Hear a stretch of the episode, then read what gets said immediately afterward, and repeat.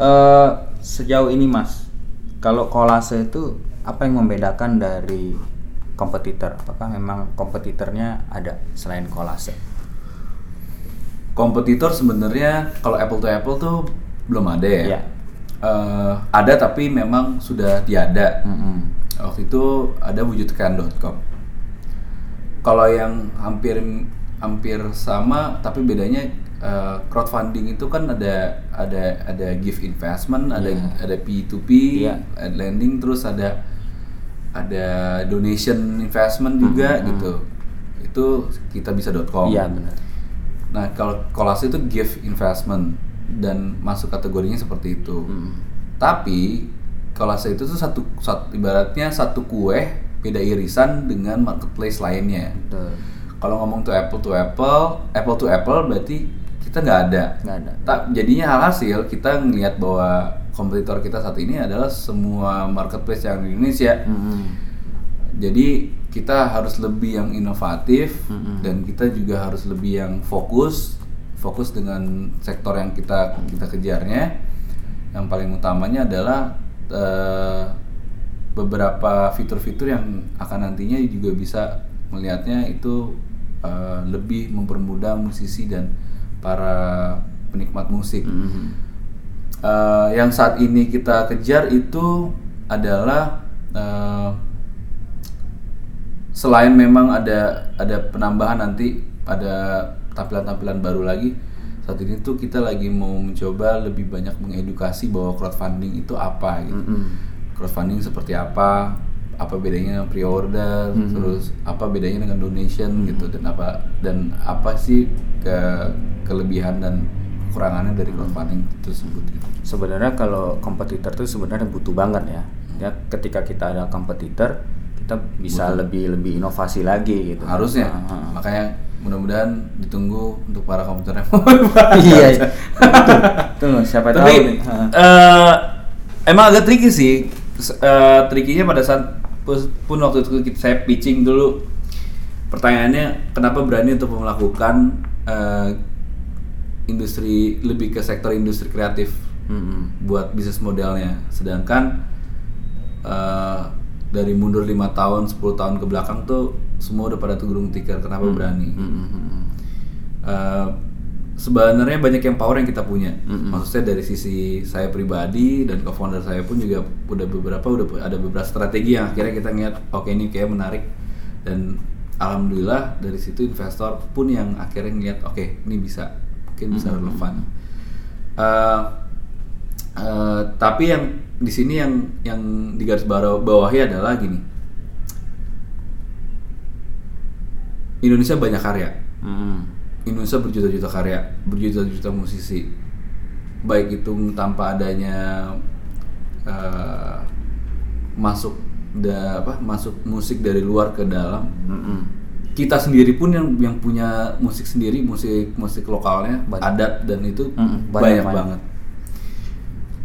Dengan hal itu, kenapa kita nggak kembangnya sendiri gitu? Mm-mm. dan kita kapan mulainya dan kapan geraknya dan itu yang jadi eh, kita ingat bahwa oke nih kalau kita nggak sekarang kapan lagi Betul.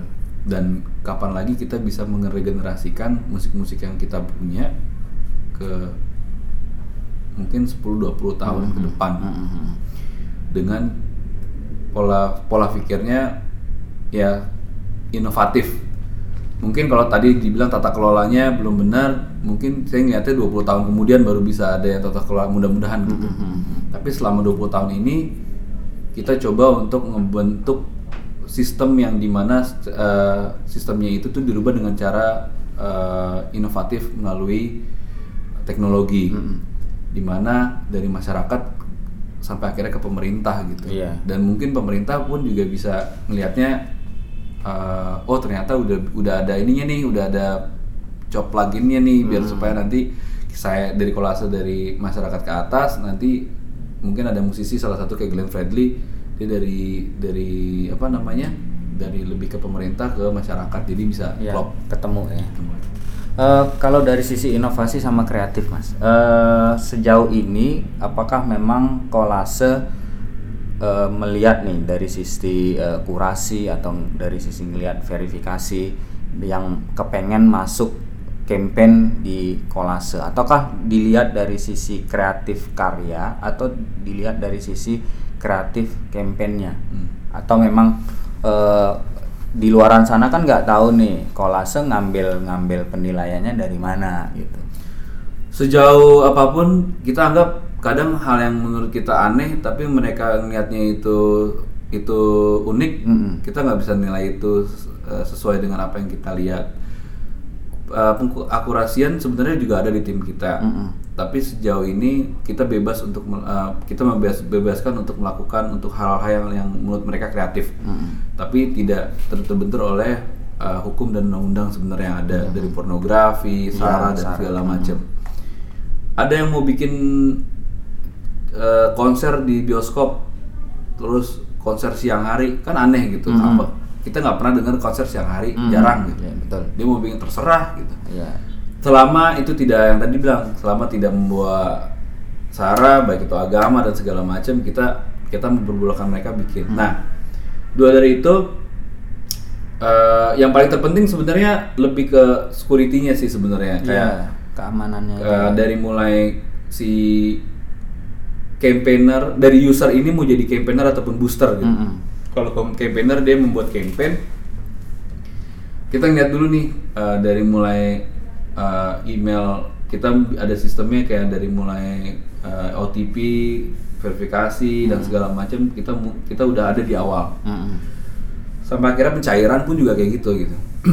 Pencairan kita uh, dari mulai pencairan nggak kita waktu itu riset pernah be- uh, lakuin beberapa uh, apa ada yang salah satunya itu kita jangan sampai terjadi seperti platform yang Mm. yang satunya lagi ini gitu. Mm-mm. yang di mana ternyata disalahgunakan untuk Iya. hal lain gitu dana yang dikumpulkan dan- nah itu kita nggak nggak nggak jadi pada kita ambil sistemnya malah justru ambil dari um, sistem marketplace yang udah berjalan Iya.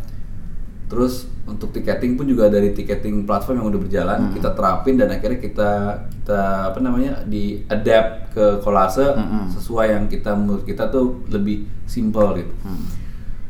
pencairan bahkan justru malah justru harus eh, kayak harus ada penerimaan konfirmasi dulu dari dari usernya, Betul. habis itu baru dicairin. Mm-mm. Jadi benar-benar eh, kita menjaga para booster atau pendukungnya dan juga menjaga kerahasiaan para para si siapa si campaigner campaigner juga. Mm.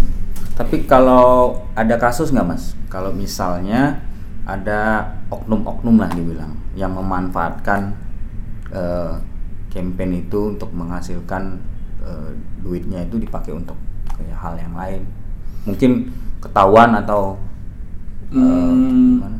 ada nggak contoh? Sejauh kasus? ini belum ya, belum belum, ada, ada, Belum ada. karena memang eh, setiap campaign itu uang yang terkumpul itu tuh benar-benar eh,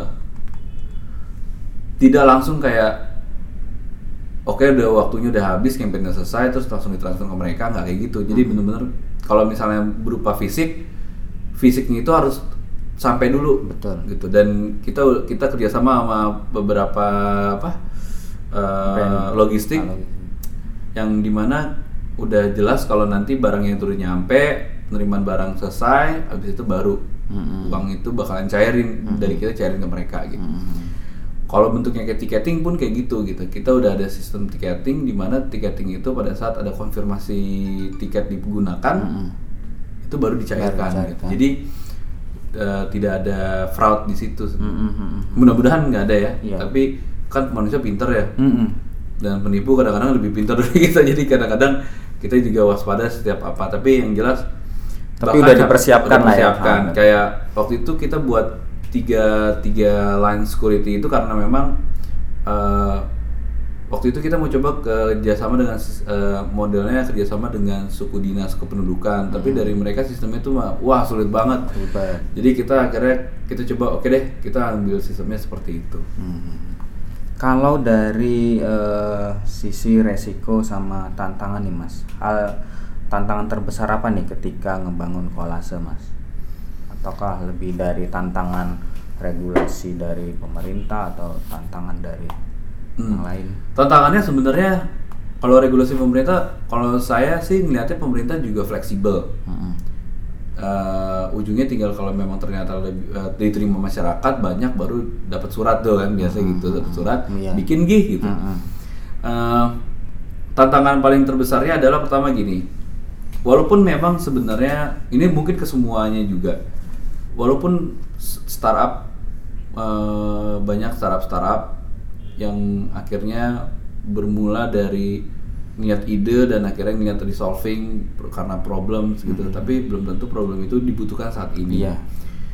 Eh, itu juga kita consider di situ pada saat kolase dibentuk. Tapi nggak eh, nggak tahu, alhamdulillah eh, nggak tahu kenapa, alhamdulillah pada saat awal itu kita di luar target, kita benar-benar di atas target gitu. Wah, dan malah justru kolase malah keteter waktu itu. Wah, kita butuh operasional nih, gitu, butuh operasional. Yang di mana saat ini malah justru tantangannya adalah gimana caranya lebih mem- memperbesar, memperluas, mengedukasi tentang crowdfunding itu sendiri betul dan manfaatnya untuk konservasi itu sendiri. Jadi eh, dari mulai eh, anak-anak SMP, kalau anak SMP malah lebih kenal ya. SMP SMA tuh mereka udah paham tentang crowdfunding. Mm-mm. Mereka tahu Kickstarter, tapi yang lebih lebih karena memang kons, eh, si Kolase tuh kita di back end tuh kita anggapnya jadi smart smart platform. Mm-mm. Analyticsnya semuanya udah ada di situ. Dan yang dari umur yang kita capture itu emang rata-rata 15 sampai 25 Hmm. umurnya. Mm-mm. Nah, yang kita mengedukasi malah justru umurnya sekitar 30-an sampai Iya. 40-an yang kita edukasi mengenai tentang crowdfunding. Mm-mm. Karena mereka nggak paham tuh. Eh, beberapa kali kita coba untuk bahasa diganti untuk untuk umur-umuran segitu gitu, patungan gitu, Iya, patungan oh, online, ngerti. ini patungan online. Ah, oh, ah. paham gitu. Jadi kita lagi mau mentranslate antara crowdfunding itu patungan. Saya sempat waktu itu pernah pernah jadi pembicara terus tanya "Eh, crowd oh crowdfunding itu itu ya yang Ah. eh, jadi yang mengumpulkan crowd yang kayak di dahsyat. Mhm, Hah? Maksudnya maksudnya saya sebagai crowd talent gitu. Oh, kirain. Ngumpulin Ngumpulin penonton. Jadi kayak penonton aduh, bayaran ya. Ya itu wajar tapi saya ingat kalau umurnya pada saat itu saya nanya "E, kalau boleh tahu Bapak umuran berapa gitu. Hmm. Dan mer- dia umurnya 47. Oh iya. Mungkin Jadi yang kayak aduh emang susah Hmm. sama- tapi kita coba terus dan akhirnya beberapa kita coba nah beberapa program kita buat tapi sebenarnya program sebenarnya tahun depan. Kita tahun ini sebenarnya mau buatnya itu tuh benar-benar organik. Mm-mm. dan belum kita sama sekali nggak ada promotion yang kita lakuin dari mulut ke mulut. Tapi kita ngelakuin pertama kalinya cuma kolase fest. Mm-mm. ya itu hanya untuk memperkenalan perkenalkan gitu kolase Iya. itu apa habis itu udah secara secara organik jalan sendiri Jalan sendiri Iya, aja, ha. tiba-tiba dari mulai eh, musisi satu ke musisi dua musisi tiga musisi empat musisi lima musisi enam sampai akhirnya musisi-musisi udah mulai banyak yang ini gitu Mm-mm. ke tertariknya bikin kolase gitu. Terus eh, saat ini ya tantangan eh, akhirnya kolase backstage itu yang tadinya di tahun depan kita majuin saat ini. Oh, Kita harus bikin- lebih cepat. Harus lebih cepat lagi. Benar, benar. Kolase backstage lebih edukasi lah acara-acara edukasi. Kan kalau backstage itu kan lebih obrolan di belakang panggung. Nah, Itu, jadi- berarti eh, produk barunya kolase yang dipercepat. Iya, activation lah lebih activation apa namanya activity-activity yang offline nya Berarti bentuknya eh, video atau talk show, Talk show, di ya. tempat-tempat komunitas-komunitas sekolah-sekolah gitu. Dan apa namanya lebih kita eh, kita bikin sesuatu yang orang yang taunya tuh dulu kan patungan kan ya, saweran gitu Mm-mm, kan bener. nah saweran itu dengan digital Iya. digabungin di acara itu gitu. Iyalah. jadi oh ternyata tuh gini maksudnya Iya kayak kayak sistem BPJS. nah gitu Gotong royong ya Nah, gitu. untuk membantu orang sakit. Ya, betul. Benar begitu. Terus Mas, eh, kalau dari sejauh ini mungkin Kolase bakal mau luncurin produk baru, program baru yang itu yang bakal mau jalan yang dipercepat itu. Eh, dari sisi bisnis eh, Kolase ini sebenarnya dapat dapat revenue atau boleh dibocorin nggak mas? Boleh. Sebenarnya dapat dapatnya dari mana sih? Sisi dari sisi bisnisnya, ini kolase bertumbuh nih, Ya, dapat dari mana sebenarnya? gini. eh, kadang startup startup digital tuh mikirnya gimana caranya dapetin gedein value, Hmm. ya kan? GMV-nya harus gede, bla bla bla, bla, tapi revenue-nya nggak ada gitu. Walaupun ada, tapi gimana caranya target target sebuah corporate itu harus sustainable. Itu tujuan pertama awal. Oke. eh Oke GMV bisa nilai gede, evaluasi sekian, dijual sekian gitu. Tapi mau sampai kapan? Gimana caranya kita sustainable lebih menarik lagi? Iya. Sustainable bisa dengan hasil revenue yang ada, ditambah lagi GMV yang besar, evaluasinya tinggi, itu lebih menarik. Itu tantangan buat saya Betul. pribadi. Nah, alhasil kita coba organik, bener-bener organik tanpa adanya besar kecilannya sebuah revenue channel yang kita ambil setiap persenannya. Mm-mm. Kolase saat ini baru ngambil dua dua revenue eh, dua revenue channel dari dari dari dari platformnya yaitu setiap pledging kita ambil 10% Mm-mm. Sponsor kita ambil 8, eh, 15% Mm-mm. setiap 5% itu yang mencakup eh, servisnya kolase untuk nyari brand-brand gitu Mm-mm. entertainnya apa Iya. segala macam dan lain-lain dan lain-lain gitu. udah banyak brand yang malah tertarik dengan adanya kolase Betul. Eh, ini sedikit cerita di luar dari pertanyaan tadi. Brand saat ini lebih menarik karena apa? Pertama, mereka dapat data yang valid. Satu. Mm. Saat ini brand malah justru banyak yang masuk ke kita tuh udah ambilnya satu tahun nih satu tahun gue Iya. gue Spend tap ke lu. ya. Ah. Gue pokoknya ngisirnya umur sekian sampai sekian, Mm-mm. cewek cowok umur pokoknya daerah ini daerah ini dari itu. Campaignnya nilainya sekian, bakalan gue tap in ke situ. Jadi kayak gitu Mm. itu yang menarik akhirnya kalau pledging eh, oke secara, secara ininya secara apa namanya ya pasti normalnya pasti akan ada Iya. Terus eh ke depannya ada yang ada ada yang baru nanti ntar itu nggak bisa dibocorin. Ada ada ada ada yang jelas tapi produk-produknya kolase yang makin banyak dibanyakin gitu. Nggak cukup cuma musik tapi lebih ke kreatif lainnya. Iya. yang lagi mau buat ini adalah kreat eh, musician kita buat teknologi. Jadi musisi, versus scientist itu nyebutnya teknologi Eh, jembatan antara musik ke lainnya itu harus dengan masih ada musiknya dulu Iya. habis itu baru dilepas Lepas. nah Sekarang. ini jadi sebuah apa nih kayak Hmm. misalnya musisi digabung sama saintis jadi apa ya Hmm, gitu oke. membuat sesuatu apa ya gitu Ada mungkin obrolan penutup Mas, mungkin eh, ujangan atau yang yang mungkin bisa disampaikan ke pendengar Daily Social Podcast atau yang pengen ngebangun crowdfunding atau yang kepengen eh, bisnis eh, ngejalanin bisnis di crowdfunding musik ada nggak yang bisa disampaikan? Mungkin tips, trik atau sebenarnya eh, permasalahan di Indonesia pasti masalah pendanaan paling banyak Mm-mm. di industri kreatif itu mungkin orang lihatnya nilainya kecil Mm-mm. tapi dari mulai lihat opportunity-nya itu besar banget Betul. dan sangat luas Mm-mm. eh ya diharapkannya banyak pelaku-pelaku baik itu para investor ataupun para pelakunya musisinya itu sendiri juga bisa memberikan edukasi yang baik sih sebenarnya ke masyarakat. Bahwa dari mulai musisinya bahwa oh ini caranya yang tidak yang, yang paling benar tuh begini gitu. Eh, pola kreatif yang kayak seperti di kolase sendiri memberikan edukasi positif karena kayak saat ini tuh udah mulai udah banyak yang udah kayak menyimpang antara yang tadinya sosial media digunakan untuk promosi malah justru membagikan hasil karya secara gratis gitu. Iya. dan itu juga karena akhirnya yang pendengar juga karena bang minta link download dong bang gitu Iya, akhirnya jadi gitu. coba mungkin dari para pelaku-pelaku industri ataupun investor yang memberikan supportnya di Indonesia malah justru lebih banyak ke industri kreatif karena memang banyak banget peluangnya di industri kreatif kalau melihat dari eh, kalau melihat dari hasil apa namanya eh, growth perkembangan atau perkembangan di Indonesia tuh gede banget Betul. tapi karena belum ada yang nangkep aja Mm-mm. ikannya masih banyak di laut Masih gitu. banyak, benar, benar. belum ada yang tahu aja gimana cara nangkep ikan yang banyak gitu. nah selama ini justru saya kewalahan untuk dapat kewalahan untuk terlalu banyak ambil ikannya gitu Iya. nah mungkin banyak mungkin ada beberapa teman-teman yang mungkin mau masuk kecimpung di industri kreatif tapi lebih membantu banyak hal Mm-mm. nah itu boleh banget Siap. justru menarik Hmm. jadinya semakin banyaknya eh, startup-startup yang lebih ke kreatif lebih banyak akhirnya lebih banyak eh, kita munculkan dan melahirkan banyak eh, musisi-musisi yang lebih lebih kreatif dan berkarya lebih banyak Betul.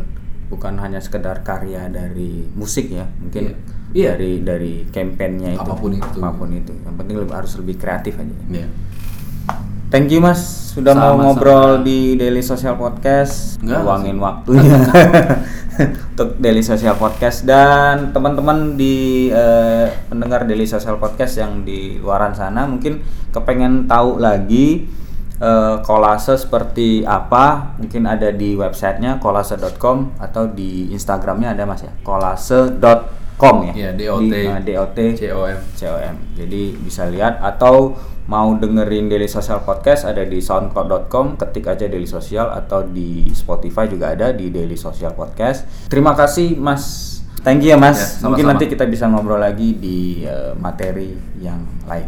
oke Thank you Mas.